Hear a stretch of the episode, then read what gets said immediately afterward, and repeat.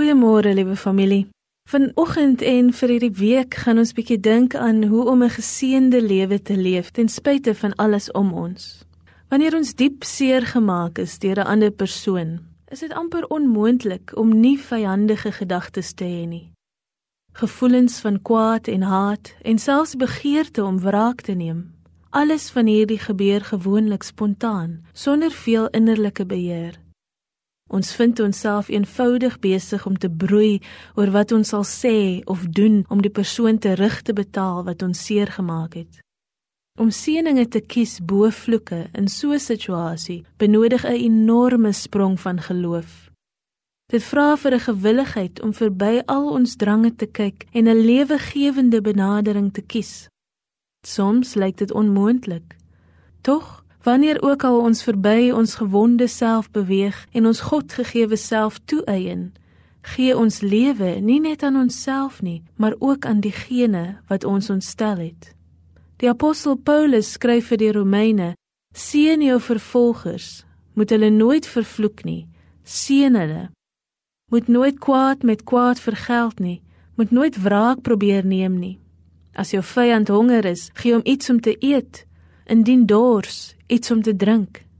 Moenie beheer word deur die bose nie, maar oorwin die bose deur die goeie. Dit skryf hy volgens Romeine 12 vers 14 tot 21. Hierdie woorde is die hart van die geestelike lewe. Dit maak duidelik wat dit beteken om lewe te kies, nie die dood nie, om seëninge in steede van vervloeking te kies. Maar wat hier van ons gevra word, gaan teen die grein van ons menslike natuur.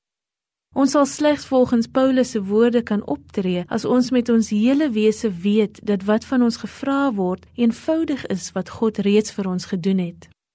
Om lewe in steede van dood te kies, vra 'n wilskeuse wat dikwels teen ons impulse is. Ons impulse wil wraak neem terwyl ons wil vergifnis wil gee.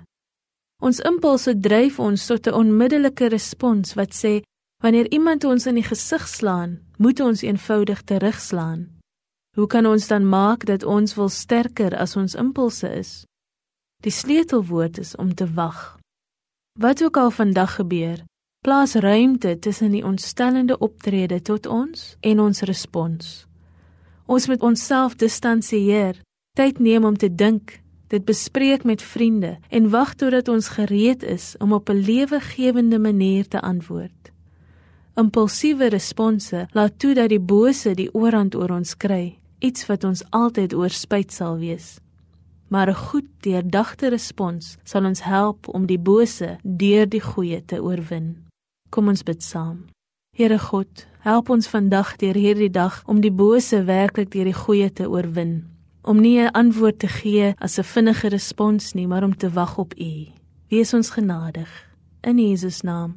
Amen.